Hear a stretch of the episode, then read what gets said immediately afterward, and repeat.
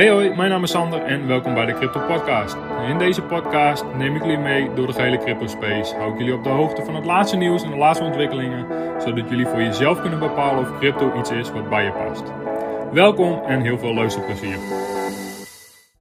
Een hele fijne maandag. Uh, vandaag even een korte update over de markten, een stukje economie en waar ik uh, zelf op dit moment mee bezig ben, wat me bezighoudt in crypto. Maar allereerst iedereen heel erg bedankt voor alle vragen, voor alle reacties. Bedankt voor het luisteren. Ik zat net even door de uh, statistieken heen te scrollen en ik, uh, ik kon het bijna niet geloven, maar ik heb de 20.000 plays ben ik al voorbij. Dus echt iedereen heel erg bedankt. Dat motiveert me echt heel erg om uh, hier lekker mee door te gaan. Spontane afleveringen, afleveringetjes op te blijven nemen. Krijg heel veel positieve reacties dat het gewoon lekker kort, uh, bondige afleveringen zijn. Uh, vind ik zelf ook prettig, dus uh, daar gaan we lekker mee door. Um, een stukje economie doe ik straks even, maar eerst even met Bitcoin. Waar staan we? Nou, afgelopen weekend heeft Bitcoin nou, eigenlijk een beetje geconsolideerd. En mensen waren heel erg bang voor het weekend, voor het expiren van de future contracts op vrijdag. En gisteren verwachten mensen een hele grote dip. Het is allemaal een beetje uitgebleven. Uh, we zitten nog wel steeds onder de, uh, onder de 40.000 dollar. En dat, dat blijft nu toch wel een heel belangrijk level waar we toch wel vrij snel overheen willen. Maar daar zitten we nog steeds een beetje onder. Dus we zitten gewoon een beetje in een. Ik denk niet dat we in een bear market zitten. Dat heb ik ook al aangegeven in eerdere afleveringen. Ik denk dat we gewoon even in een bearish trend zitten in deze boelmarkt. En dat is wel vaker voorgekomen. En ik moet zeggen, ik ben zelf er, ik ben ik ben er echt wel super relaxed onder. Ik heb, uh, en en uh, daarom hamer ik daar ook zo op. Investeren in goede fundamentele projecten. En natuurlijk uh, is mijn portfolio wel heel erg naar beneden gegaan vanaf zijn all-time high. Maar als ik dan door de projecten scroll waarin ik geïnvesteerd heb, dan. Oh, daar heb ik een goed gevoel over. Oh, daar heb ik een goed gevoel over. Oh, die heeft langere termijn potentie. Dus op die manier ben ik gewoon echt heel relaxed over mijn investeringen. Mijn rente komt iedere week binnen. Mijn staking komt iedere week binnen. Dus ik, ik maak me gewoon helemaal geen zorgen.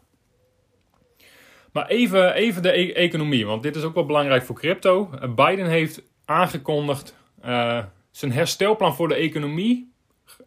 Hij heeft het nu bij het congres neergelegd. Heeft hij een herstelplan van 6 triljoen heeft hij daar neergelegd. 6 triljoen, lieve mensen. Het is echt bizar. Je, je kunt je niet voorstellen hoeveel geld dat is. Een herstelplan voor 6 triljoen.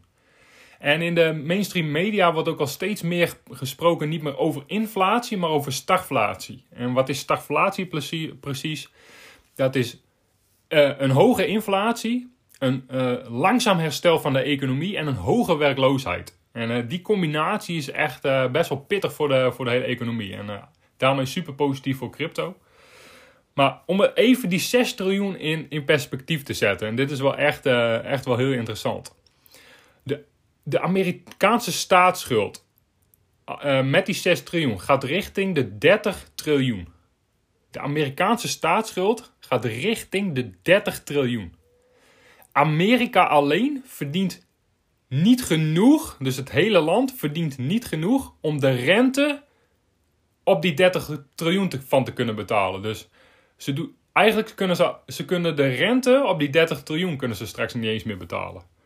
Dus Amerika verdient niet genoeg om de rente op hun schuld te kunnen betalen. Echt bizar. Als je, als je daarover nadenkt, 30 triljoen. Wat dat betekent voor de dollar. En waarom praat ik steeds over de dollar?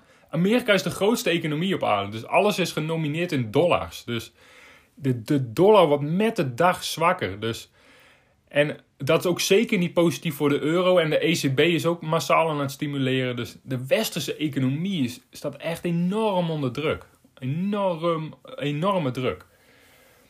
Dus stagflatie, uh, lieve mensen. Hoge inflatie.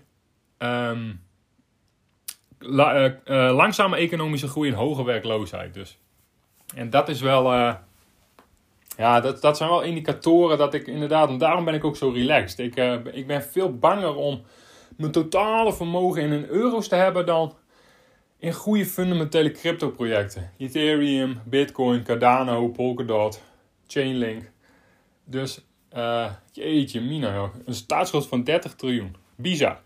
Um, wat houdt mij uh, zelf op dit moment een beetje bezig in de cryptomarkt? mijn focus ligt eigenlijk op dit moment heel erg op Ethereum. En ik heb daar natuurlijk uh, afgelopen tijd al uh, een aantal afleveringen over uh, opgenomen. Ja, Ethereum, ik, daar ligt toch met name voor mij op dit moment de focus. Dus ik heb ook de dip gekocht. Ik heb weer wat meer Ethereum aangeschaft. En ja, ik, ik, ik, ik raak steeds gecharmeerder van Ethereum. Van alle updates die er komen. Um, Ethereum 2.0, Proof of Stake. En waarom is dat Proof of Stake zo belangrijk? Omdat we. Dat, ik ga het even kort proberen uit te leggen. Waarom is Proof of Stake voor Ethereum zo belangrijk? Nou, één uh, is het uh, energievraagstuk, uh, wordt daarmee een beetje getackeld, hoe zwak dat ook is. Maar een mining economy, Ethereum wordt op dit moment gemined, en een mining, mining economy kenmerkt zich is, is dat miners moeten die tokens gaan dumpen om aan hun kosten te kunnen voldoen. En om winst te kunnen maken. Dus een mining consensus mechanism uh, wordt eigenlijk gekenmerkt door, ja, door druk van miners dat ze moeten verkopen, winsten moeten pakken. Uh, als de uh, prijs heel erg omhoog gaat, gaan ze meer tokens verkopen om meer winst te kunnen pakken. En het mooie van een proof of stake mechanism is, is dat we gaan dan van een, van een dump- en win, winstpak economie naar een stake economie. En een staking consensus. En een staking consensus, in een staking consensus is het veel interessanter voor investeerders om die tokens vast te houden en daarvoor uh, uh, staking rewards te ontvangen. Dus waar in een mining consensus uh, miners ja, eigenlijk veel verkopen en daardoor de prijs gedrukt kan worden. Wat in een staking economy, wat eigenlijk wat je veel meer aangemoedigd je tokens vast te houden en te steken, zodat je daar rewards over kan krijgen. En daarom is dat voor Ethereum een hele, hele grote stap. En da daarnaast uh, wat is de, uh, met EIP 1559 de, de gas fees geburnt, waardoor Ethereum een deflationary asset wordt. Maar gewoon even kort aan te geven waarom, waarom ik mijn focus zo ligt op Ethereum. Um, ja, dus, dus dat eigenlijk even voor vandaag. stagflatie, een herstelplan van beide, 6 triljoen, iets om in de gaten te houden. En zelf ligt de focus van mij op dit moment gewoon heel erg op Ethereum. Nou, dat even voor deze maandag. Uh, ik hoop dat jullie een hele fijne week hebben. En uh, jullie gaan me weer horen deze week. Dat was het weer voor vandaag. Heel erg bedankt voor het luisteren. Heb je vragen of suggesties? Stel ze op mijn Instagram. Sander in een workout. En tot de volgende